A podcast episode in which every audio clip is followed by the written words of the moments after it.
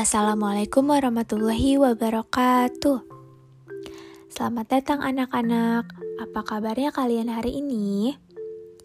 Semoga kalian tetap sehat selalu ya.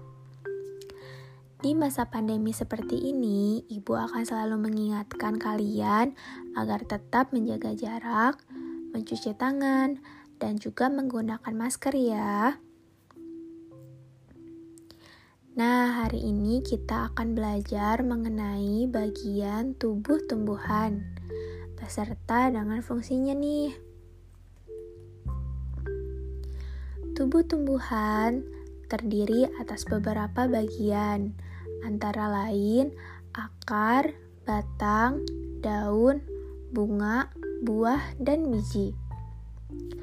Setiap bagian memiliki fungsi untuk menunjang kelangsungan hidup tumbuhan. Nah, yang akan kita bahas yang pertama yaitu akar. Akar berfungsi untuk menyerap air dan zat hara dari tanah. Akar juga bisa memperkokoh tumbuhan. Nah, akar juga dapat digunakan sebagai alat pernapasan, contohnya pada pohon bakau.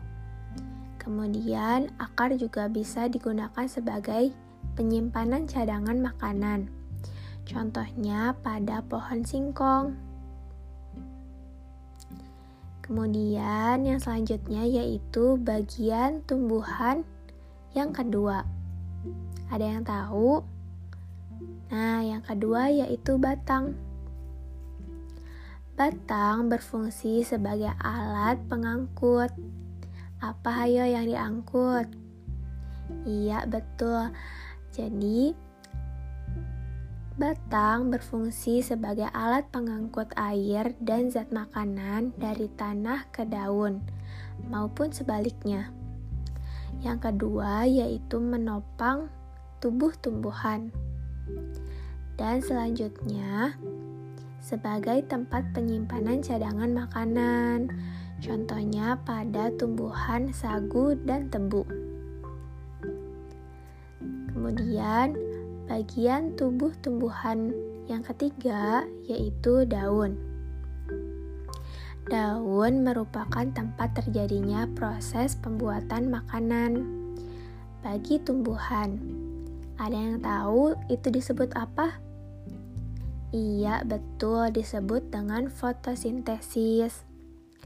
Nah, daun juga itu dapat digunakan sebagai alat pernapasan. Dan daun juga bisa digunakan sebagai tempat pengeluaran uap air yang berlebih. Nah, selanjutnya bagian tumbuhan yang keempat yaitu bunga. Fungsi bunga yaitu sebagai alat perkembangbiakan tumbuhan. Nah, pada bunga terdapat benang sari, yaitu sebagai alat kelamin jantan, dan putik sari sebagai alat kelamin betina.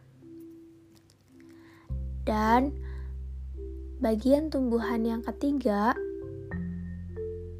sorry, maksudnya yang kelima, yaitu buah.